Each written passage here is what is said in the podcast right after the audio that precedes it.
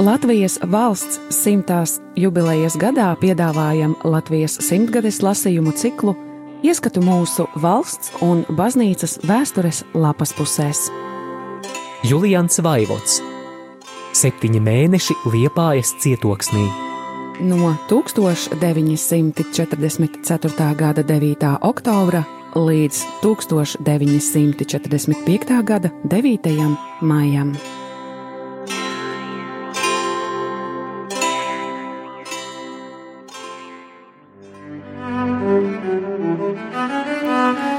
Tūkstoš 944. gada 19.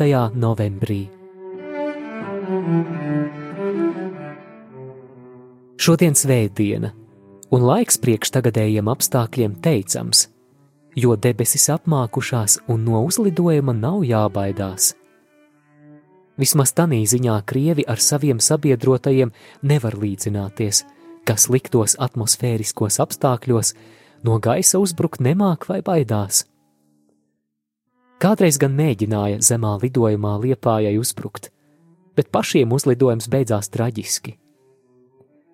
Tāpēc katra liepainieka skats rītā vēršas uz augšu un vēro debesis, lai spriestu, kas šodien sagaidāms. Un vēl cītīgāk to daru katru svētdienas rītu, jo no tā varu spriest, cik būs baznīcā dievlūdzēju. Šodien tomēr mans pareģojums izrādījās maldīgs, bet te vainīgi citi. Kā jau kādu dienu rakstīdams par kartīšu izsniegšanu minēju, ka gaidāma kontrole tā arī notika. Un vajadzēja tai iekrist tieši svētdienā. Šodien uz visām ielām nostājušies kārtībnieki un pārbauda dokumentus. Visiem, kam attiecīgas nodarbinātības apliecības nav, atņem personas dokumentus, pasakot, kur tie vēlāk jāmeklē. Neviens vēl nezina, ko viņiem pateiks, kad aizies pēc tam, bet baidās no visļaunākā - izsūtīšanas uz Vāciju. Ejot uz rīta dievkalpojumu, daudzi mani draudzes locekļi jau ir palikuši bez personības dokumentiem. Šī policijas rīcība tomēr drīz visā pilsētā jau bija zināma, un tāpēc uz ielām rādījās tikai tie, kam nav no kontroles jābaidās.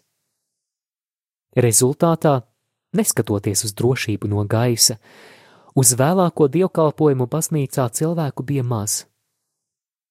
Agrākās kontroles, kad lieta grozījās ap piedalīšanos ierakumu darbos, vismaz veci cilvēki, kropļi un sievietes ar maziem bērniem jutās droši.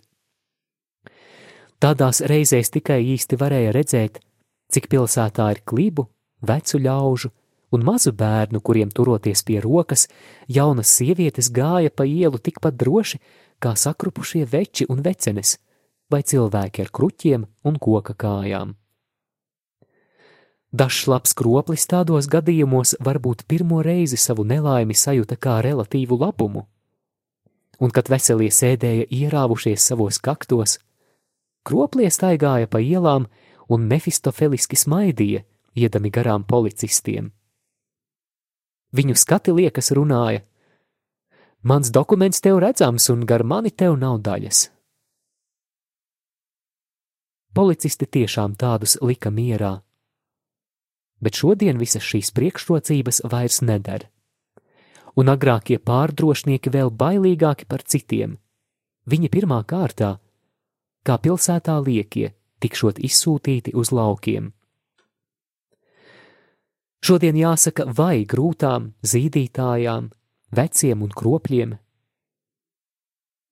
Izbeigusies svētdiena uz viņu ielas.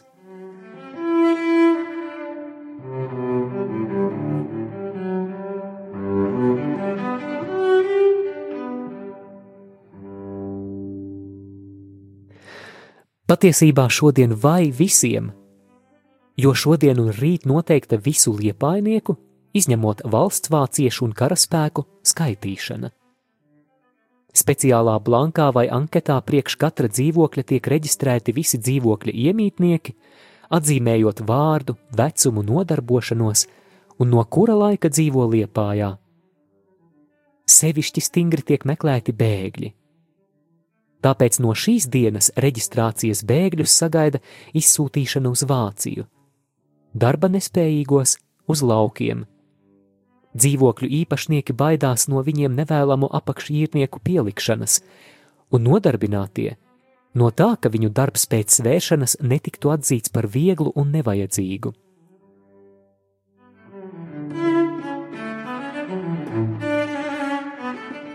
Bailēm esot lielas acis, un cilvēki tagad ir tā iebaidīti, kā baidīta vārna, kas arī no krūma baidoties.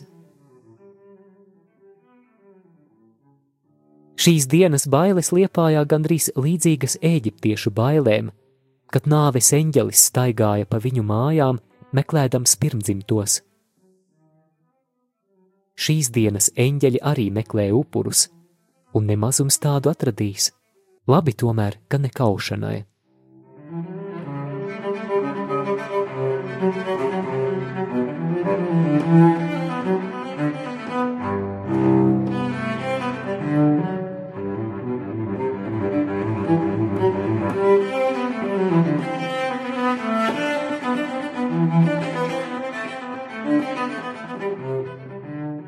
1944. gada 20. novembrī viņa ekscelencei Liepājas bīskapam Urpšakungam.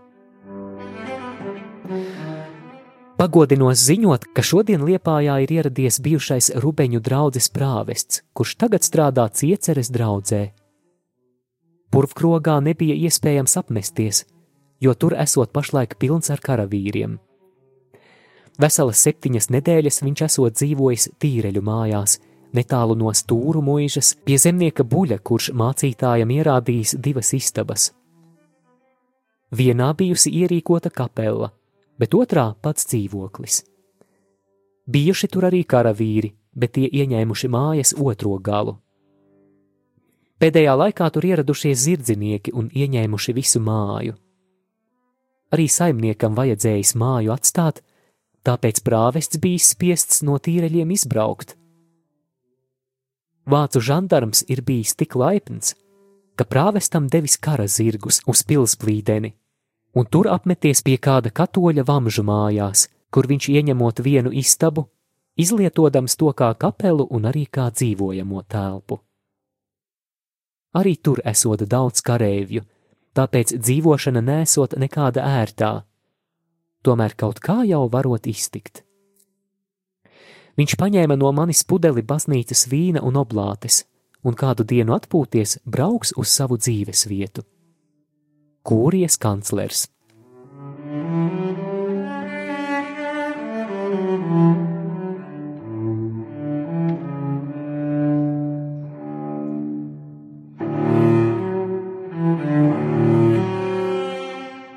Tūkstoš 944. gada 22. novembrī viņa ekscelencei Liepājas bīskapam Urpšakungam. Šodien man jums jāsūta pavisam bēdīga vēsts. Proti ir miris vecpils prāvests Daudis. Šo ziņu man atnesa kāds vācu kareivis, liekas priesteris, kuram par to esot no aizputes zvanījis vācu armijas dekāns. Vairs labi neatceros, kādā dienā priesteris Daudis ir miris. Apbedīšanas dienu gan labi ievēroju. 25. novembris, tas ir sestdiena. Ievērojot pašreizējos satiksmes apstākļus, man nav iespējams uz vecpili aizbraukt, nec arī kādu ziņu aizsūtīt. Ja nebūtu tur neviena priestera, tad gan būtu vai kājām uz vecpili jāiet, lai veco priesteri apbedītu ar mācītāju. Bet tagad tur ir divi katoļu priesteri - dekāns Samušs un prāvests Birkovs, kuri apbedīšanu var izdarīt. Domāju, ka arī aizputes prāves cupenieks katrā ziņā apbedīšanā piedalīsies. Tāpēc nolēmu uz vecpili nebraukt. Šīs pēdējās rindas rakstu jau pēc trauksmes, kura ilga no pulksten sešiem līdz astoņiem trīsdesmit. Kūrijas kanclers.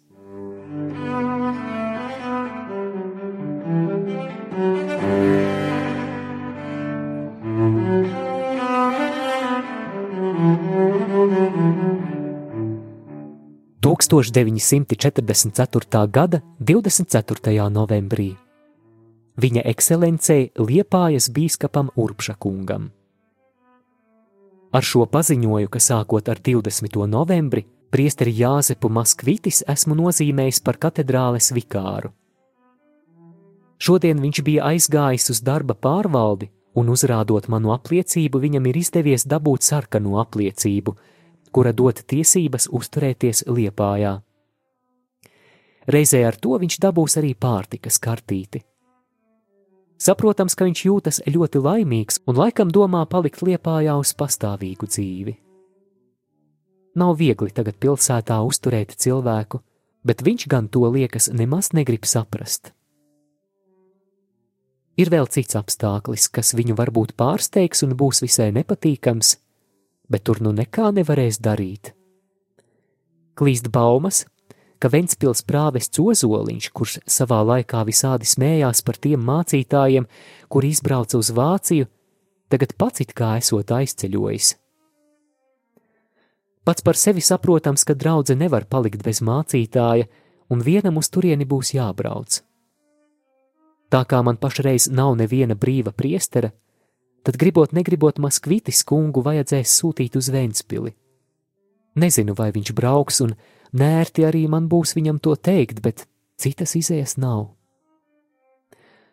Arī Ventspilī būs kāds ārsts, kas varēs izdarīt pārsiešanu viņa slimajai kājai.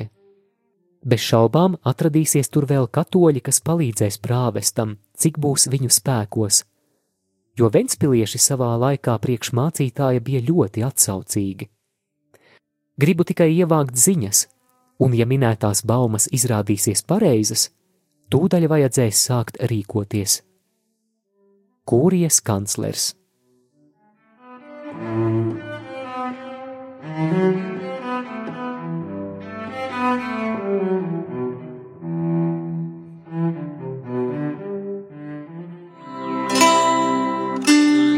Rādījā Marija Latvija ēterā Latvijas simtgadēji veltīti lasījumi.